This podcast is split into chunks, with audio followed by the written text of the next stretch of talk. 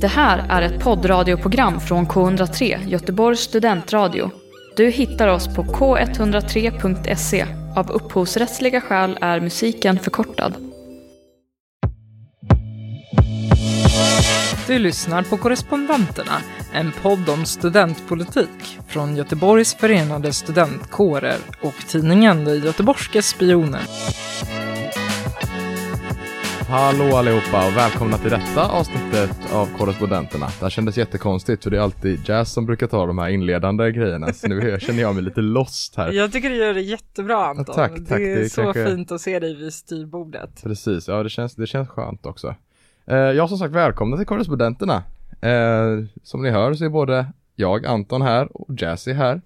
Eh, hur mår du Jazz? Jag mår jättebra. Det är alltså våren här. Igår hade jag en sån sjukt fin sommarkänsla liksom. Det var bara så här soligt och man ville liksom inte gå in. Vi hängde ute hela dagen och liksom jag har ju barn så vi lekte och du vet så här åt, ja, fikade ute och bara alla var, hela gården, hela gatan var ute och körsbärsträden blomstrar och du vet det är bara Idylliskt. bra liksom. Ja, värsta idyllen. Ja, hur är det själv Anton? Ja men det är fint, det är som du säger, det är, när det är fint väder så blir det enklare att må bra. Eh, så jag känner det också, även fast det är ganska mycket att göra nu, mycket överlämning, eller för- förbereda överlämning främst, leta ersättare, rekrytera och sådär. Så känns det, och att jag känner mig ganska stressad, så känns det ändå lite mer görbart när det är lite fint väder i alla fall. Sådär. Precis, det är lite hopp. Men, men, men du, vad är det vi ska prata om idag? Kan du, kan du börja berätta Ja. det? Idag ska vi prata om studentbostäder eh, och studentbostadsfrågan i Göteborg som vi vet att många är väldigt engagerade i från studenthåll eh, och som jag också är engagerad i och som även du skriver en del om eh, Jazz. Så då tänkte vi att vi tar in kanske den mest lämpliga gästen som finns i Göteborg eh, nästintill. Johannes Hulter, välkommen! Tack så mycket. Vem är du? Ja du, det är en djup fråga, jag tänker existentiell nästan. Men jag är väl framförallt här antar jag därför att jag är kommunalråd för Socialdemokraterna i kommunstyrelsen med ansvar för eh, stadsbyggnadsfrågor, bostadsfrågor. Och också sitter i stadsbyggnadsnämnden då som ordförande. Precis. Välkommen hit, vad Välkommen. roligt Tack att, så att mycket. träffa dig. Det är, Jättekul. ja, det är alltid det här, vem, är- vem, vem, vem är du liksom? Man får panik så här. Vem vill du lära känna? Det är väldigt sant att det är liksom en filos- filosofisk fråga. mm. Hur, hur skulle det filosofiska svaret eh, låta? Det, ja, det, det blir svårt därför att jag, jag har faktiskt läst filosofi också, praktisk filosofi och då sysslar man ju mycket med den typen av frågor. Eh, vad kan vi veta? Vad finns egentligen? Vad finns jag? Och vad är det här jaget som uppfattar saker och ting? Så, men det, det är som sagt tyvärr inte så mycket filosofi i de frågor som jag hanterar just nu utan det är ganska praktiskt eh, byggande Nej. sådär. Så man slipper tänka så mycket på vem man är. Så vaknar man upp en dag så har livet passerat förbi. Så, slut. Tackar vi för denna veckan. Vi var nära söndagsintervjun här liksom, men det, jag tänker ändå att det är intressant att du liksom befinner dig i de här två olika spannen så här, ja, filosofi och sen så är det väldigt så här konkret, bostäder, bostadsbestånd, alltså det går ju att ta på liksom och Mm. mäta och, och allt det där liksom. Mm. Ja, det är sant. Ja. Det gör det. Eh, men eh, jag tror att man, eh, det är väl en bra sak att skicka med sig om man nu är student just och, och läser och sådär. Jag tror det är bra att läsa lite olika saker. Eh, inte bara specialisera sig på en grej utan det kan man göra också. Men ta några andra kurser, gör någonting annat som vidgar vyerna lite grann. Det har man faktiskt nytta av. Har du läst något annat än, än filosofi? Eh, jag har läst idéhistoria också. Så idé och lärdomshistoria och eh, filosofi är väl det jag mest eh, eh, har studerat då. Vilket lärosäte? Eh, det var här i Göteborg. Jag flyttade hit eh, 96 när jag var 21 från Uppsala då. Och eh, pluggat här, pluggade många år. Så jag är en sån där som samlar på mig många högskolepoäng. Liksom. Du är i gott sällskap. Välkommen. Jag tror jag har em, tre kandidatexamen och eh, nästan en master. Eh, Mm. Och lite andra ströpoäng säkert. Så eh, ja, du är, du är i gott Det sällskap. känns tryggt. Ant, Anton, han, han, han har, ja, du ska ju fortsätta. Ja, jag, jag har bara en kandidatexamen så jag är några efter jazz här men jag får väl jobba upp det lite. Ja, Jag har en kandidatexamen och ska väl förhoppningsvis då, eller jag ska läsa en masterexamen i höst fast då i Stockholm. Så jag försvinner härifrån och det är lite bekräftat. Du får inte flytta det- till Stockholm nu. Jag flyttar ju därifrån bara för att slippa. Ja, jag tänkte att då finns det ju ett ledig plats för mig. Ja, det är sant. Så kan man säga det. Nej, men det, det ska bli kul även fast det känns i, lite tråkigt att lämna Göteborg kanske. Äh, men också väldigt kul att tillbaka. komma till Stockholm. Så det, det känns roligt. Du kommer sakna den här småstadskänslan och komma tillbaka hit förr eller senare. Nu är vi liksom, Ja, vi- vi när, när det har gått några år och Vi du är se. trött på att springa och göra dina hundår så, så kommer du tillbaka. Vi får se. Det tror Vi jag. får se. Jag hör av mig då. Ehm, jag tänker att vi börjar med lite mer lära känna-frågor här. Eh, hur länge har du varit politiskt aktiv? Eh, jag gick med, jag ska tänka efter här, det beror lite på, menar, om du menar medlem i, i partiet så att säga, så är det sedan du definierar det 2006. själv. Ja. Eh, 2006 gick jag med. Och eh, sen så, men politiskt aktiv kan man ju vara på många olika sätt sådär förstås. Och, och, eh, eh, så det har väl varit nästan, ja, hela livet om man ska säga så. Man har tänkt kring den typen av frågor och så. Men eh, sen 2006 i alla fall så gick jag med i partiet och sen så var aktiv i Socialdemokraterna då.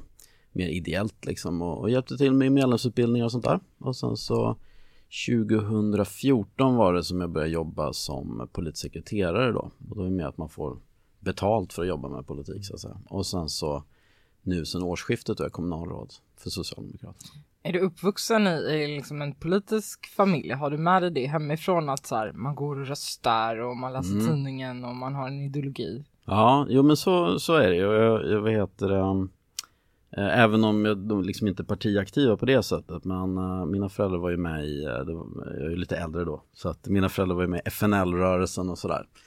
Back in the days på 60-talet, 70-talet så. Så att, eh, och var aktiva så. Så det var väl ganska naturligt den politiska hemvisten så.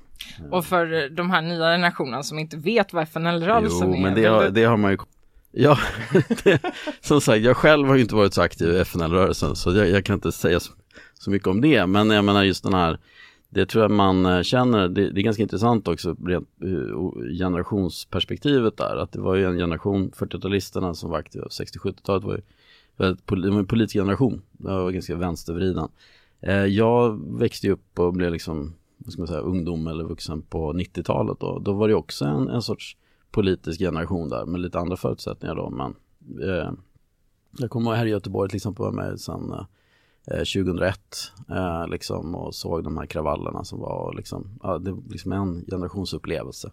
Och nu är det ju en eh, ny, ny, ny ungdomsgeneration, kanske ni tillhör, eller jag har tillhört i alla fall, som eh, har sina utmaningar och är liksom aktiva på sitt sätt. Det man kan säga skillnaden där är ju ganska intressant att se. Det fanns ju liksom ingen höger eller inte, inte så tydlig högervåg på 60-70-talet, alltså i, i ungdomsgenerationen kanske. Men däremot så på 90-talet hade vi mycket problem liksom med de högerextrema krafterna på 90-talet och det finns ju tyvärr idag också då, väldigt tydligt. Så det går lite i vågor det där. Jättebra. Så du känner igen din politiska kontext kan man säga?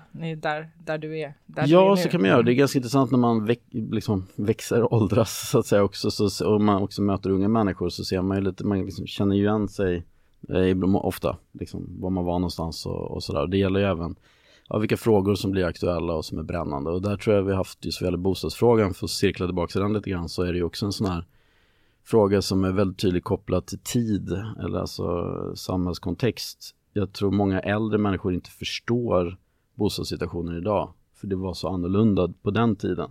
Människor som flyttade hit och var studenter, som sagt på 70-talet kanske, ni får tag på en bostad hur lätt som helst. Det fanns ju tomma lägenheter och fick fri hyra och det, alltså och för den generationen och så, så är det nog väldigt svårt att förstå ens att det skulle vara svårt eller att det är problem. Man är ju blir så präglad av sina erfarenheter. Så. Mm.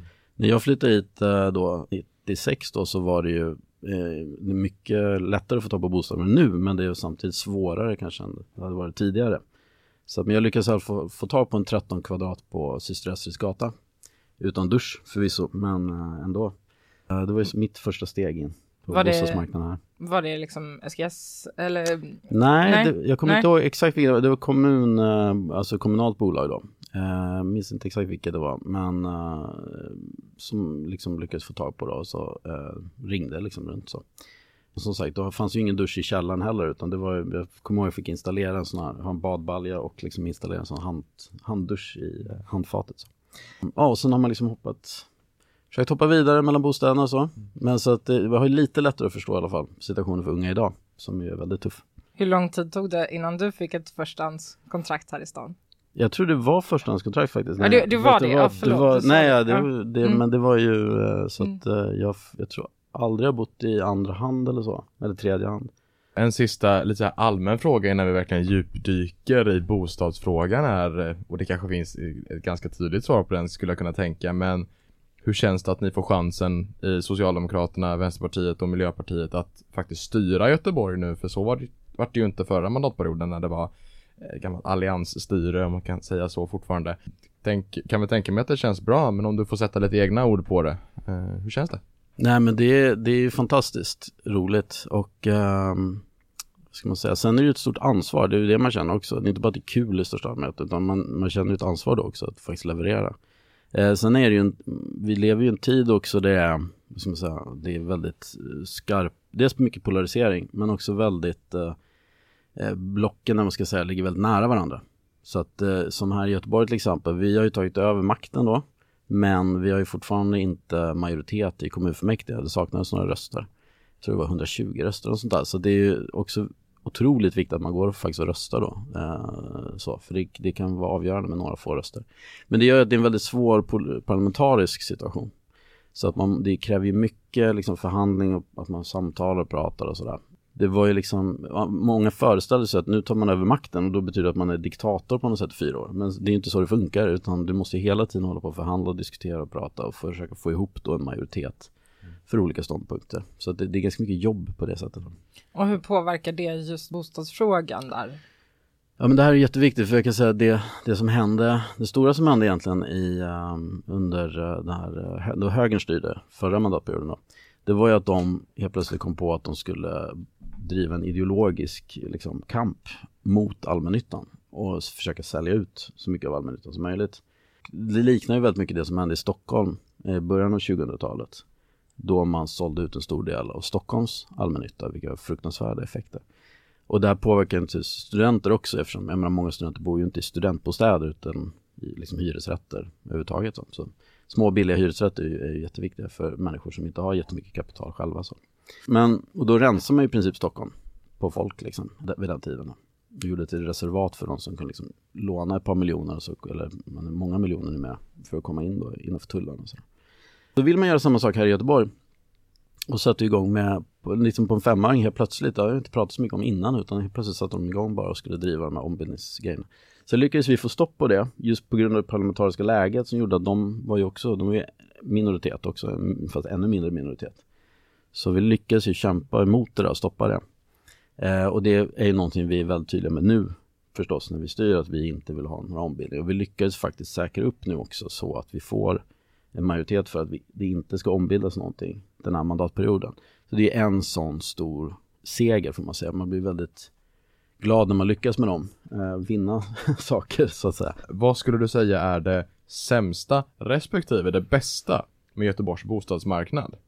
Ja, det är intressant också så här, eh, det är jag som är lite nörd på begreppsanalys och sådär, men just det jag tycker det är intressant när man pratar om marknad respektive, jag försöker ibland säga sektor och sådär också beroende på vad det är man menar. Men vad heter det, det sämsta skulle jag säga är väl att på bostadssidan så är det väl att det är så svårt för människor att få bo där de vill bo, om man uttrycker det så.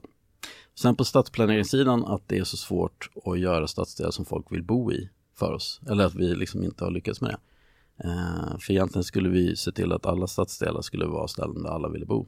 Så, nu är det inte så, utan det är väldigt stor skillnad.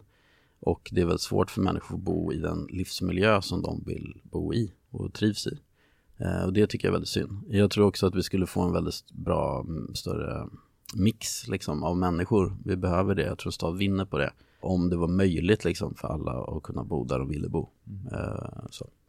hur jobbar ni för att förbättra den situationen? Hur får ni in människor? Alltså, mm mer blandade områden då kanske man ska mm. säga. Eh, hur jobbar ni med det? Ja, det är ju två delar kan man säga. Det ena är ju att stoppa försämringen, om man ska säga då. Det vill säga försöka få stopp på segregationen som, som ju liksom ligger på hela tiden. Det är den ena sidan. Där var vi inne på ombildningar till exempel. Att vi, vi ser till att få stopp på ombildningarna. Så. För det är ju en väldigt tydlig sån. Att det trycker ut folk liksom från området. Så det är ju liksom, det finns sådana saker man behöver göra. Vi har till exempel också, så en av de första sakerna vi såg till att göra i stadsbyggnadsnämnden var just att äh, säga att om någon vill omvandla en lokal till exempel till en bostad, vi då, det ska upp det till nämnden så att vi kan stoppa det. Därför att vi vill ha kvar lokaler som för föreningsliv och liknande, också för att få en blandad stad i stadsmiljöerna. Men det är ju liksom hinder för att stan ska försämras. Sen så försöker vi göra, förbättra saker också förstås. En sån sak är ju naturligtvis då att vi har varit otroligt tydliga i vår budget som vi har nu. Med att vi ska ha liksom en inriktning på kvarterstad med liksom urbana funktioner och liv och rörelse och liksom en mix av människor och så. Så att det också finns olika bostadsstorlekar och sånt och också eh, vad ska man säga, förutsättningar för mix liksom också vad gäller upplåtelseformer och annat. Så. så att vi försöker ju också, och det här är vi noga med, en del tycker ju så ja men absolut, vi ska, vi ska se till att skapa levande och bra stadsmiljöer, det är jätteviktigt. I stan, alltså inne i centrum, så att säga. Eller kanske åtminstone Linné eller Majorna så. Men vi vill ju också skapa den här typen av liv och liksom attraktivitet överallt. Så att det är viktigt för oss. När vi har liksom nu planer i Hjällbo till exempel så vill vi också ha kvarterstad där. Vi vill att husen ska vara vackra. Vi vill att det ska vara, liksom, finnas lokaler så att du får liksom det här stadslivet. Så. Vi försöker liksom lyfta alla olika områden oavsett liksom var de ligger eller var de är. Skapa Mycket. en bättre stad. Jag tänker om vi snuddar in ännu mer in på bostadsmarknaden eller bostadssektorn. Hur kommer det nya rödgröna styret arbeta med studentbostäder mm. om man jämför det med det, liksom det tidigare blåa styret. Mm. Vad kommer bli den största skillnaden där? Ja, jag tror vi, det ska man ju tänka, som sagt, som vi tror vi inne på lite tidigare, man måste komma ihåg att studenter bor ju inte bara i studentbostäder, studenter bor ofta i liksom hyresrätt av olika slag. Eh, så, liksom så det viktiga egentligen är att se till att vi får in mycket hyresrätter och studentbostäder förstås. Sen har ju studentbostäder den kvaliteten att de ofta kan vara lättare att bygga när vi nu vill bygga som vi gör, lite mer nära och liksom kvartersstruktur och sånt där. Eh, ibland kan det vara svårt för det blir det här med parkeringsplatser, det kan vara förskoleplatser, det är liksom friytor, det är mycket sådana saker. På många ställen när vi vill in och liksom förtäta och så, så passar det väldigt bra med studentbostäder. Just därför att man, det är mindre parkering och sånt som krävs så det är lättare att få till den. Vi har ju många planer nu som är på gång ehm, jag tror ni har sett, eh, dels sådana som håller på är liksom planeringen är klar, man ska gå över och bygga som vid Chalmers eh, och Holtermanska sjukhuset där till exempel. Det är ju nästan 400 studentbostäder som kommer till. Men bara nu kommande nämnd så har vi till exempel uppe i Lunden eh, en plan på ett stort antal studentbostäder. Vad har vi mer? Eh, på Smålandsgatan till exempel, som ni kanske känner till, alltså vid Ullevi där, så bygger ju liksom ett högt hus med massa studentbostäder. Så det är väldigt mycket sånt som är på gång. Och det är möjligt också i det här konjunkturläget som är att det kommer att bli ännu mer attraktivt att göra studentlägenheter. Jag brukar säga det att man ska, man ska hålla politiker ansvariga. Så vi, det här är prioriterat för oss, så det borde märkas. Om ni inte gör det, om ni inte har fått ordning, liksom lyckats trycka ut, så får man ju se hur konjunkturerna så här, men ändå om vi fått planeringen i alla fall, ska vi kunna planera fram mycket studentbostäder. Har vi inte lyckats med det, då får man hålla oss ansvariga för det. Men vi tänker se till att vi, att vi får mycket produktion på det. Precis. Vi från studentorganisationshåll, eh, eller vi i GFS, vi ser ju, och jag vet att många studenter tycker samma, att man ser det är många studenter som bor i hyresrätter, absolut. Man ser studentbostaden nästan som som ett trygghetsnät. Mm. Nästan att det här är en bostad som är reserverad mig mm. för att jag kanske kommer från Växjö och har ingen aning om vad jag ska, så kommer man in på bostadsmarknaden i Göteborg mm. och helt plötsligt mm. kan man ställa sig i kön och då är det väldigt svart att konkurrera om en hyres. Mm. Det är jättesvårt att konkurrera om en studentbostad också, men det blir ändå lite mer överkomligt. Så jag vet att vi har varit lite så här och du får gärna rätta mig om jag har fel här nu, men att ni tog bort målet för studentbostäder i, er, i budgeten. Eh, tidigare har det väl legat någonstans runt 700-800 per år att det är målet att man ska bygga så många studentbostäder i Göteborg. Hur gick tankarna där? För det kändes bara som, det kanske finns en jättefin tanke med det, men när vi bara såg det på, på pappret så kände mm. vi, oj, varför fin, finns det inga ambitioner eller hur, mm. hur, mm. hur gick tankarna där? Det är ju en process förstås när man skriver en budget så, men jag tror det överhuvudtaget, och nu var vi tvungna att göra det ganska snabbt dessutom eh, på grund av parlamentariska situationer. Men man kan säga att det viktiga för oss var ju det att se till att när vi sätter mål, att det är mål som vi kan nå, som är realistiska, liksom, som ambitiösa men också realistiska. Vi ska inte ha för mycket heller mål eller uppdrag och så här grejer, utan det viktiga egentligen, för tyvärr, och där får jag verkligen vara självkritisk, för jag har ju varit med ett tag nu också, och sysslat med bostadspolitik länge. Jag vet, det är en sån lockelse för politiker att sätta upp siffror och säga vi ska bygga så här många och så här många tusen och si och så. Och det är liksom, och så är alla glada och så får man någon, någon liksom flash om det och så ser det bra ut liksom. Och jag är verkligen, och så det är väldigt sällan, väldigt väldigt sällan. Och det gäller inte, Oavsett vilken färg det är på partierna så är det väldigt sällan man når de här målen. Utan då säger man bara, det var ju tråkigt, nu sätter vi nya, ännu högre mål. Liksom. Och så är man uppe i någon sorts pratvärld liksom hela tiden. Och jag är mer såhär, nej jag är verkligen helt ointresserad av det. Jag är typ, vi ska bygga strömbostäder, vi ska bygga mycket strömbostäder. Framförallt ska vi se till att unga människor och andra människor som inte har mycket kapital har möjlighet att få tag på en bostad. Det är egentligen det. Vi har sett mål för att halvera eller få bort hemlösheten, halvera tiden på boplats och sådana saker. Liksom. Och det är bra. I grund och botten är det det det handlar om. Det måste bli enklare och snabbare för en ung människa att få tag på en bostad i Göteborg, även om man inte har föräldrar som är jättemycket flis. Liksom. Och det är det egentligen som allt handlar om. Så länge man inte lyckas med det, då har man misslyckats. Liksom. Sen kan man sätta siffror och så, men det, det är liksom, jag är mer intresserad av, av eh, att det verkligen blir verkstad. Faktiskt. Sen så får man ju, nu, det är tråkigt men samtidigt mycket med bostadspolitik är ju på nationell nivå också.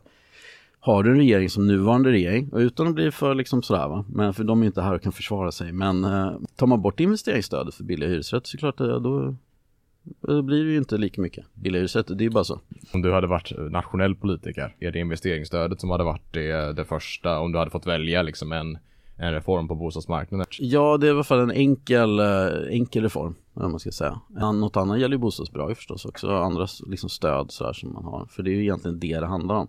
Och så är det, är det ju de flesta samhällen har varit så i Sverige under väldigt lång tid också, eller allt egentligen. Att det är mer att, så när du har ett samhälle som skiktas, för det är ju det som är grundproblemet i ett ojämlikt samhälle, stora skillnader mellan människor. Det är ju det som är grejen. Då kommer de människorna som har mindre pengar få svårare att få tag på en bostad, för bostad är den typen av vara, eller vad man ska säga, som är väldigt svår att få tag på jämfört med andra varor. Det är liksom inte heller eh, därför att de så mycket är en nu blir det nästan filosofiskt här, men det är så mycket ett läge eller en plats i en ekonomi snarare än bara ett par väggar och ett tak. För det är klart, det var det här man missade på 60-talet. Vi, vi, man skulle ju kunna producera jättebilliga bostäder ute någonstans i Norrlands inland. 100 000 sådana och så säga här, här kan man flytta om man behöver bostad. Men en bostad är ju egentligen bara en plattform sen för att arbeta, studera, göra, lämna på dagis eller vad man nu gör för någonting. Så det handlar så mycket om var de här är i ett socialt liksom, ekonomiskt system. Och det är det som gör, det är därför man inte heller kan plocka upp så här hus som står öde typ i Norrland och typ köra in dem till Göteborg och ställa ner dem här. För det är mer en plats i ett system man hyr eller köper så att säga. Det här blir väldigt filosofiskt men det är det som gör det lite komplicerat då med de här grejerna och det är därför mycket av det är mycket skattelagstiftning, alltså det är mycket bidragssystem och sånt där som är på nationell nivå som styr eh, bostadspolitiken även här i Göteborg. Kollar man på flyttmönster så är det också så, Göteborg är en kommun som många flyttar in i när de är unga, ska studera och liknande, eller som invandrare, alltså kommer utifrån helt enkelt. Eh, jag tror det är två tredjedelar av befolkningstillväxt de senaste 20 åren har varit utrikesfödda. Så det är en stor del av befolkningstillväxten. Och sen då unga som kommer för att plugga. Och sen har vi haft ett tapp så att säga i den delen när de sen har pluggat klart, de ska få ett jobb, de får första barnet och barnet blir typ, börjar förskolan, ungefär där. Så flyttar man ut till en grannkommun. Vilket är, blir lite jobbigt för Göteborg rent kommunalekonomiskt. För, alltså historiskt har vi haft så att, vad ska man säga, när folk betalar skatt så är de inte här. Men däremot så har vi alla kostnader för att fixa arbetsplatser och annat åt de skattebetalarna från grannkommunen som åker in hit och sen åker ut så att säga med sina skattepengar. Då. Så det har varit en ofördelaktig situation för oss. Eh, för saker och ting måste ju hänga ihop. Det är lite som eh, man sa förut, man kan inte ha socialism i ett land. Så det är väldigt svårt att ha socialism i en kommun också. Utan Göteborg är ju inte är en kommun med kommungränser men vi är också en arbetsmarknadsregion eller vad man ska säga och den sträcker sig liksom över kommungränsen och så. Så att se till att få en regional jämlikhet eller vad man ska säga eller, eller ett system som funkar är också jätteviktigt. Liksom. Man kanske skulle bygga upp ett system där man liksom för evigt var skyldig sin studentstad så här. så här. Jag skulle sitta och peja in till Uppsala. Ja, vi har ju, vi har ju omfördelningssystem alltså i bemärkelsen att man, det, det är ju en, uh, man omfördelar ju pengar sen så att det går till de då som är missgynnade. Uh, liksom, ofta då, Malmö till exempel, vi får lite också. Nu kommer vi mer på stadsplanering ja, förstås. Men... Du, var, du var inne på en, förlåt Anton, jag, jag bara kattar dina frågor. Men, men jag tycker att så här, vi har en liksom grunddiskussion som vi, alltså för du var inne på det förut att så här, hur vi liksom började bygga det här med att man liksom, att Stockholm blev liksom en stad för de som har råd och så här, mm. ta lån och, och liksom köpa bostäder. Och, för jag tänker att det var liksom den största, nu var jag student första gången för för 15 år sedan eh, i Uppsala. Men, men då var ju det det största så här att man liksom bara okej, okay, även om man inte liksom tog ut hela sin CSN-lån på studierna så skulle man ändå ta det för att ha så här, en insats till att köpa en bostad i Stockholm liksom. Det var så här, ja men den största diskussionen typ mm. och liksom det eh, då var jag så här, nej men jag vägrade lite och, gå in i det och sen så eh, men sen märkte man ju att då blev man ju den här liksom andrahandshyresgästen istället som kanske så här ja men först kanske hittade en schysst vän som hyrde ut i andra hand men sen så blev man ju liksom ett offer för det här för andrahandsmarknaden mm. liksom och betalade liksom andra människors mm. lån istället. Och jag tänker att så här, här, här pekar du på något viktigt för du, du pratar ju liksom om, om, om utlandsfödda som flyttar in i städerna och, och de, det är ju inte människor med liksom med kapital att så här, kunna liksom köpa in sig på bostadsmarknaden och liksom ser man ju liksom så här hur räntorna går upp och de människor som har de här lånen liksom att mm. så här. Och det är också viktigt att komma ihåg det, det är inte bara något som har hänt utan det är ju en följd av politiska beslut. Man har ju valt att ha ett skattelagstiftning till exempel som gynnar då ägt boende liksom. Så att det, det är ju, har varit extremt mycket mer fördelaktigt att köpa sin bostad till exempel än, än att hyra den. Det är subventionssystem, skattesystem, avdragssystem så på nationell nivå som ju är liksom, det är ju politik. Man behöver, man kan göra på något annat sätt. Ungefär lika mycket som, ungefär, nu är det verkligen med tumme och pekfingret, men det, eh, hyresrätten var ju subventionerad tidigare. Man, man subventionerade liksom bostadsmarknaden, eh, bostadssektorn med väldigt mycket pengar. Sen har ju det där fördelats om. Så gått mer till ägt boende, och ränteavdrag och annat och sånt där. Så att, och man har ju liksom aktivt nästan lockat in folk i att låna massor med pengar och sådär. Och skapat också inlåsningseffekter för att man, ja, fastighetsskatt till exempel när man avskaffar den. Så. Det är mycket sådana grejer. Och det, men det är också vad ska man säga, problemet med att bo i en demokrati, eller vad man ska säga, är ju det att om, politiker svarar ju ofta på vad de tror att folket så att säga vill ha. Och om man inte då vinner den debatten, man ska säga, kring, kring de här frågorna, då blir det en viss riktning på det. Och eh, jag tror också att vi har fått en utveckling i samhället där man liksom drar isär samhället in, mer och mer. Och då blir folk också, den naturliga reaktionen har blivit det att man, eh, man liksom ser om sitt eget hus. Man tänker så ja det var ju, skolan verkar ju bara bli sämre och sämre. Min, mina ungar ska i alla fall få det bra. Så, jag kan mm. inte hjälpa allas ungar, men mina ungar ska få hjälpa dem så mycket som möjligt. Eller en bostad, jag kan i alla fall, du vet, ska trycka mig fram armbågen och få ta på min bostad så får de andra klara sig själva. Det blir den typen av liksom rövarsamhällen man ska säga som vi utvecklas mot. Och jag tror ju det att man måste komma ihåg att det börjar inte med att människor är solidariska och snälla och sen skapar man ett trevligt samhälle utan det är nästan åt andra hållet. Du måste få in de där strukturerna. Och när det då blir, när ju mer solidariskt och trevligt så att säga, samhället blir, desto mer solidariskt och trevliga blir människorna i samhället också och mer tillitsfulla och sådär. Och saker och ting funkar bättre. Jag bara hålla med om att det är en lång, lång utveckling där det är inte, där vi eh, liksom alla, från alla partier har varit liksom delaktiga i att eh, liksom inte, inte ta tag och vända den utvecklingen. Liksom. Så är det. Sen är det naturligtvis en del om global utveckling också, vilket är mer komplicerat. Men eh, jag tänker så här, det är politik i grund och botten. Så vill man ändra på det så får man ju, du vet, ändra skattesystem, ändra lagar och regler och sådär. Och det är därför man ska engagera sig politiskt kan man säga.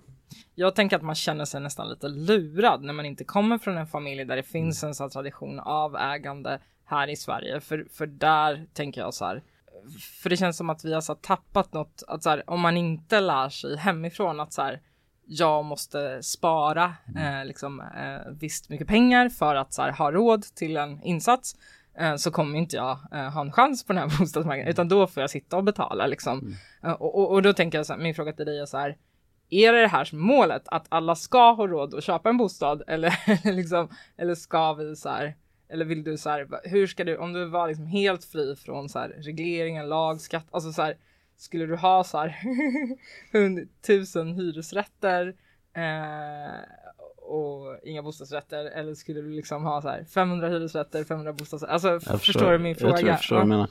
jag tänker så här, det är som inom filosofin då, så säger man, pratar om intrinsikala mål ibland så. Det handlar om det som är mål i sig självt eller liksom läggs fram. man skiljer på det och det som bara är medel till mål. Mm. Jag skulle säga, jag ser inte att upplåtelseformer som något intrinsikalt, att det ska vara just hyresrätt eller bostadsrätt eller någonting annat, utan det är, ägandeformer är ju mål för någonting, eller metoder eller underlätta vissa saker. Eh, Socialdemokraterna, liksom, mitt parti, vi drev igenom e egna hemsreform, liksom, för, för länge sedan då. Eh, där just det skulle vara möjligt för en vanlig knegare att liksom kunna skaffa en, ett hus, liksom en rad, eller mindre hus och en liten tomt och liksom bygga ett hus själv och sådär. Många av de tidigare, jag ska inte säga bostadsrätter, men det fanns mycket kooperativ som byggde saker, ägde saker gemensamt också för, för hundra år sedan. Så. För min del spelar inte det egentligen någon roll. Jag tror det säkert kan skilja åt mellan, för hopp, i min idealvärld ska det snarare vara så att om du trivs bättre med hyra, i hyresrätt, det passar dig bättre, du är inte så intresserad av att renovera eller vad du nu vill göra för någonting Eh, eller pilla med huset, lägga om tak och så här. Du är inte intresserad av det. Du vill bara bo, du kanske ska bara bo två år och sen flytta till en annan stad och så. Passar hyresrätt jättebra. Eller du bara trivs att bo i hyresrätt liksom. För du gillar inte att hålla på med de andra grejerna. Då kan, skulle du kunna välja det. Om du känner så här, ah, men jag vill köpa ett hus och vill jag ska bygga om och greja med det. Ja men då skulle du kunna göra det. Och så vidare, vill du ha en bostadsrätt? Varför, jag kan säga så här, så jag är ju själv en bostadsrätt och eh, bostadsförening, det är ju en bostadsförening, det är föreningen som äger och ja, i slutändan är det väl bankerna som äger med alla lån då. Men det är liksom, det är föreningen som äger gemensamt. Det är inte alla som, märker man, som förstår det. Utan du säger, jag har köpt min lägenhet. Nej, du har köpt medlemskap i en förening där vi tillsammans ska ta hand om det här huset. Det är ju egentligen en väldigt fin kooperativ ägandeform. Så. Men det är ju inte riktigt så den hanteras utan nu har det blivit en del av den här spekulationsekonomin istället. Som ytterst egentligen grundar starka kapital, alltså gynnar starka kapitalintressen. Det är de som på lånekarusellen.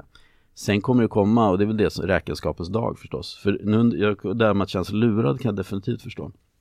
Men det har ju pumpats ut från alla håll från samhället, på, alltså på alla håll. Bara låna pengar, låna på, det är bra att låna pengar mer och ta sms-lån för att flyga till Thailand eller vad som helst sådär va. Du vill köpa en ny dator, låna den och det är ingen fara. Det kommer ju alltid en räkenskapens dag någon gång. Då de plötsligt säger, vadå? Har du en massa lån? Vad tänkte du på egentligen? Så. Och då, ja men ni alla sa ju att man skulle, herregud det måste du ha förstått ändå. Den, den dagen kommer ju att komma. Och då, då, då vaknar man upp då och säger, jaha fast jag trodde, därför att vi människor litar ju på något sätt på att samhället, om samhället säger till oss att gör det här så är det, då ska man kunna göra det. Vi får, men tyvärr har vi haft eh, eh liksom ett, och vi allt mer, det är ju det vi försöker stopp, få stopp på.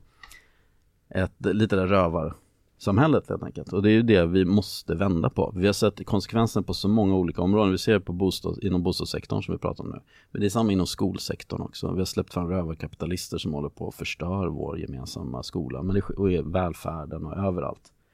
Så att det här, det kommer ju att ta lång tid. Det tog lång tid att komma till den här punkten. Det kommer att ta lång tid att få ordning på det.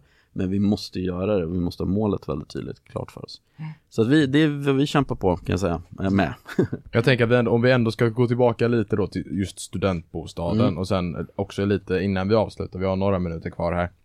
Också lite kanske om studentstaden Göteborg. Mm. Och det här har vi också varit inne på lite grann, men hur ska vi kunna, det räcker ju inte med att bara bygga fler studentbostäder. Utan det måste ju också, för en studentbostad är till för människor som är i en ganska knaper situation, ekonomisk situation. Eh, och där måste vi få till någonting som är fler bostäder men som också är rimliga för plånboken. Mm. Hur ska vi göra det? Ja, Tänker nej, du? ja, nej, som sagt, då, tyvärr finns det ju ingen quick fix tror jag. Det är det första man måste säga. Och är det någon som säger att det finns det så kan jag utgå från att de ljuger helt enkelt och litar inte på dem då. Men det, det, man, det jag brukar försöka prata om, eller framhålla, det är det att när man pratar om bostadsbrist och liknande, pratar man så ofta om nyproduktionen att det, vi måste bygga mer. Och det, jag ska säga så här, ja, lång, eh, byggande och stadsbyggande tar tid, det måste ha långa perspektiv. Vi behöver ha en hög produktion, nyproduktion av allting egentligen.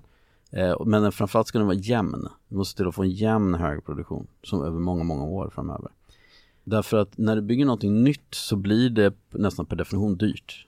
Du har avskrivningstider och sånt där. De billiga bostäderna, billiga studentbostäderna också, är redan byggda. De finns redan. Och de finns, det är därför vi inte vill ombilda till exempel en massa av allmännyttans billiga bostäder. För de billiga bostäderna finns redan. De vi bygger nu kommer inte att vara billiga. Och det är nästan, om vi inte som sagt får de här statliga stöden, vilket vi inte får längre då, då kan vi få ner priset någonting. Men även då så blir de dyra förhållande till de som är byggda då typ på 60-talet nu då. För det är så, en, en bostad har ett liv. Den föds så att säga och är jättedyr då. Och sen blir den billigare och billigare och billigare sakta men säkert till ungefär det har gått 50 år när man då behöver reno renovera och då blir, blir, åker priset upp för då behöver man investera. Och då blir den dyrare igen, inte lika dyr som den var ny men ändå mycket dyrare. Och sen så sluttar det av igen och så håller på sådär. Så, så ligger ett hus och tankar. Och då gäller det var i den här livstiden behöver det bo en student i det här huset så att säga. Det är det man behöver då klura på. Vi har ju, och det är det jag menar med när jag kommer in på de här skattelagstiftningarna och den här grejen också. Vi har ju en situation där många människor med väldigt mycket pengar bor i lägenheter som är billiga så att säga. Vi gör billiga bostäder dyra genom att de blir, vi skapar ett, liksom ett ehm, eh, system där billiga bostäder på grund av lägesfaktorer och annat och de blir bostadsrätter och sen på grund av lägesfaktorer så blir de jättedyra. Så, så vi har ju ett system som gör de billiga bostäder vi har dyra, om du förstår vad jag menar. Det, det finns ett annat problem med det här också, det är att vi byggde jättemycket under miljonprogrammet. Eh, för mycket kan man säga egentligen. Vi tryckte ut jättemycket bostäder och sen flyttade folk iväg till kranskommunerna så vi har haft tomma liksom, hus jättelänge. Det betyder att vi byggde väldigt lite under 80-talet, i alla fall här i Göteborg, alltså in i städerna. Eh, och även 90-talet, det var en liten, mitten på 90-talet var lite så här, men ganska lite. Så att de här billiga bostäderna håller ju på att ta slut om du förstår vad jag menar. För nu kommer vi in på där 80-talets bostäder. De är de som börjar bli billiga nu. Eller 90-talet. Men vi har inte byggt så mycket av dem. Och det är därför jag tycker det är nästan viktigaste för om man nu är intresserad av studentbostadsfrågan. Det är dels stoppa ombildningar. Och sen, hur ser renoveringspolitiken ut? Inte så mycket nyproduktionspolitik, det är jättebra att det byggs nya, men hur ser renoveringspolitiken ut? Och det är det jag egentligen väntar på tuffa frågor om, om du förstår vad jag menar. Hur ser vi till, Johannes, hur ser vi till att ni inte renoverar bort de här billiga bostäderna som vi har i allmännyttan till exempel. Det är en sak att de inte ska bort från allmännyttan genom ombildningar, men sen om vi har kvar dem då, hur ser vi till att vi inte renoverar bort dem där? Och där kan jag säga, där tar vi också steg hela tiden för att försöka få till det. Vi har sett till att man differentierar renoveringen till exempel också i allmännyttan. Eh, försöker tänka igenom så att man inte gör de här jätterenoveringarna så att det blir jättedyrt. Utan man kan dels få välja så här, ja ah, men vi vill ha lite lägre och så blir det inte så hög hyreshöjning. Fundera lite på, behöver man trycka på så mycket med renovering? Man kanske tar det lite lugnare liksom, låta, du vet, sprida ut det lite mer. Hur renoverar vi också? Ofta tar man ju hela block, alltså nu är det ett helt område, nu renoverar vi upp det här. Det är kanske smart att ta ett hus i taget istället för att få den här mixen av människor. Det finns väldigt mycket man kan göra med renoveringar. Alltså 99% av alla bostäder finns ju redan. 1% ungefär läggs till varje år. Så att 99% av bostadsutbudet är ju gamla bostäder. Så hur tar vi hand om dem, vad gör vi med dem, är en otroligt viktig fråga ska jag säga. Men vad gäller nyproduktionen, ja, där bygger vi på. Så får man ju driva förstås att man har uh, studiebidrag och de här liksom, uh, liknande aktioner också från då, statlig nivå. Det är jätteviktigt. Så att vi kan ha en social bostadspolitik. Jag vill att liksom Lerums villaägare ska vara med och betala för det. Är ni med? De, istället bara för att sitta och ta emot avdrag så ska de liksom också vara med och pröjsa för det här. Det är inte något som ska lägga på Göteborgs hyresgäster. Det är inte något som ska lägga på Göteborgs skattebetalare. Det ska vi alla i hela Sverige vara med och betala för. Så att därför är jag väldigt angelägen om att få in statliga subventioner här istället. Är ni med? Och hur ska de se ut? Vad ska det vara? För? Ja, nej men det är ju, det är, där har vi, ska jag säga, inte säga att jag är någon skatteexpert, men vi har ju, som vi var inne på tidigare, vi har ju haft ett, skatt, eller har ett skattesystem som gynnar ägt boende till exempel från hyresrätter. Så det har ju Hyresgästföreningen bland annat påpekat väldigt tydligt. Eh, det gäller bostadsbidrag, det gäller massa sådana här saker där vi skulle kunna ha nationella eller statliga subventioner till de som faktiskt behöver det och till en fungerande, framförallt, det är inte för att vara snäll mot en enskild person utan det handlar om att det ska fungera i samhälle, att vi ska få en social bostadspolitik. Men det är ett nationellt ansvar som jag ser det. För jag kan bara säga, vi kommer inte, om du har en kommun med som är snäll eller vad man ska säga och liksom vi stödjer liksom, har en social bostadspolitik här. Det håller inte i längden så att säga. Därför att då har du istället kranskommuner som, där folk flyttar ut och sen lägger pengarna där istället. Och då blir vi, då får vi en väldigt, en, vi blir liksom utnyttjade eh, på det sättet. Jag, behöv, jag tror vi behöver se till att få en nationell samling kring att vi ska ha en fungerande bostadspolitik. Den måste vara på nationell statlig grund och eh, det är egentligen den enda långsiktiga lösningen på de här svåra frågorna. Den hamnar i den här konkreta situationen, det är när herregud, de ska renovera, min hyra kommer gå upp jättemycket. Det är ju en fruktansvärd liksom, mänsklig situation. Men den situationen, man, är inte, man måste komma ihåg det, man är inte ensam eller hur man ska uttrycka det i det, det är, utan man är en del av en nationell problematik och en nationell fråga, en nationell situation som behöver hanteras på nationell nivå. Och det är därför de också behöver engagera sig politiskt, se till att oavsett, och då säger jag, nu är jag naturligtvis, jag är socialdemokrat, så för mitt perspektiv så är det bäst om alla blir socialdemokrater förstås.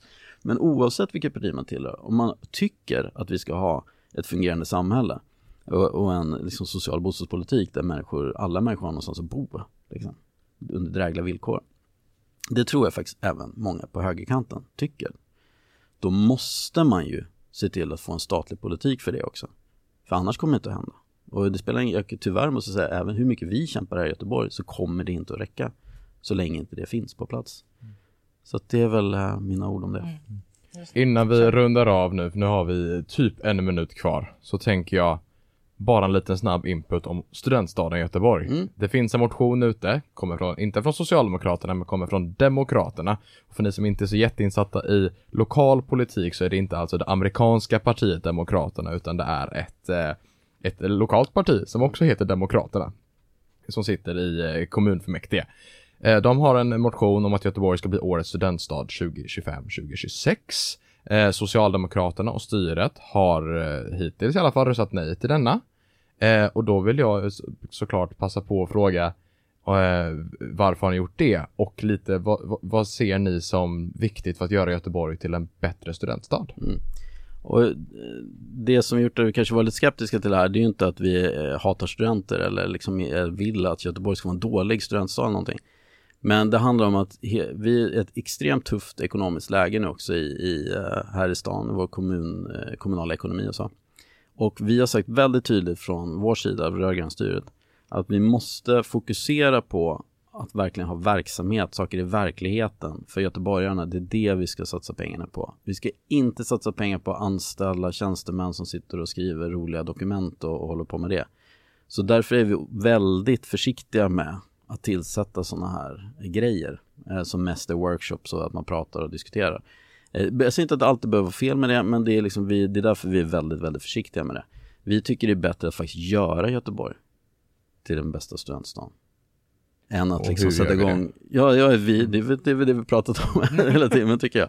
Vi har en budget. Bostadsfrågan det centrala. Ja, ja, det tror jag är väldigt centralt. Men inte bara det ska jag säga, utan vi är också mycket intresserade av att göra det till en bra studentstad.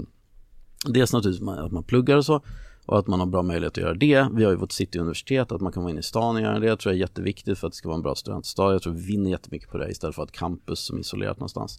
Men också att det är en rolig stad där det är kul um, för en ung människa att eh, leva och vara också, där man kan ta del av roliga saker också utan att ha en jättetjock plånbok.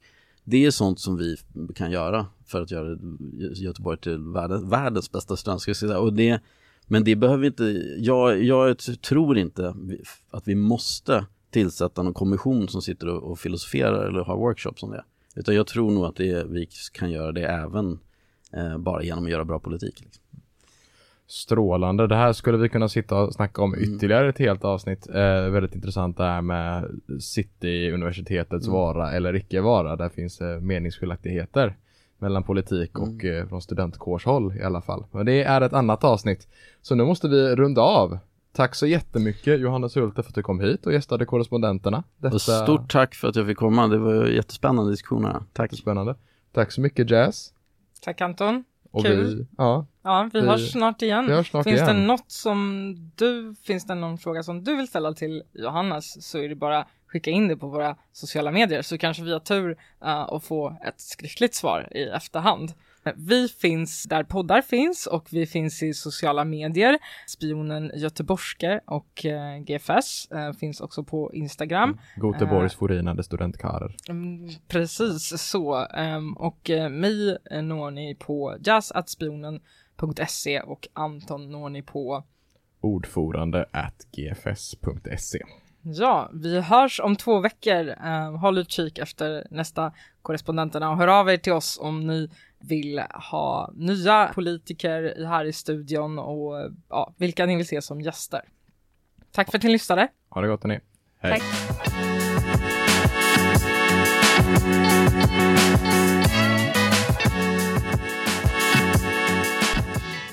Du har hört en poddradioversion av ett program från K103. Alla våra program hittar du på k103.se. Följ oss gärna på Facebook eller på Instagram. Vi hörs!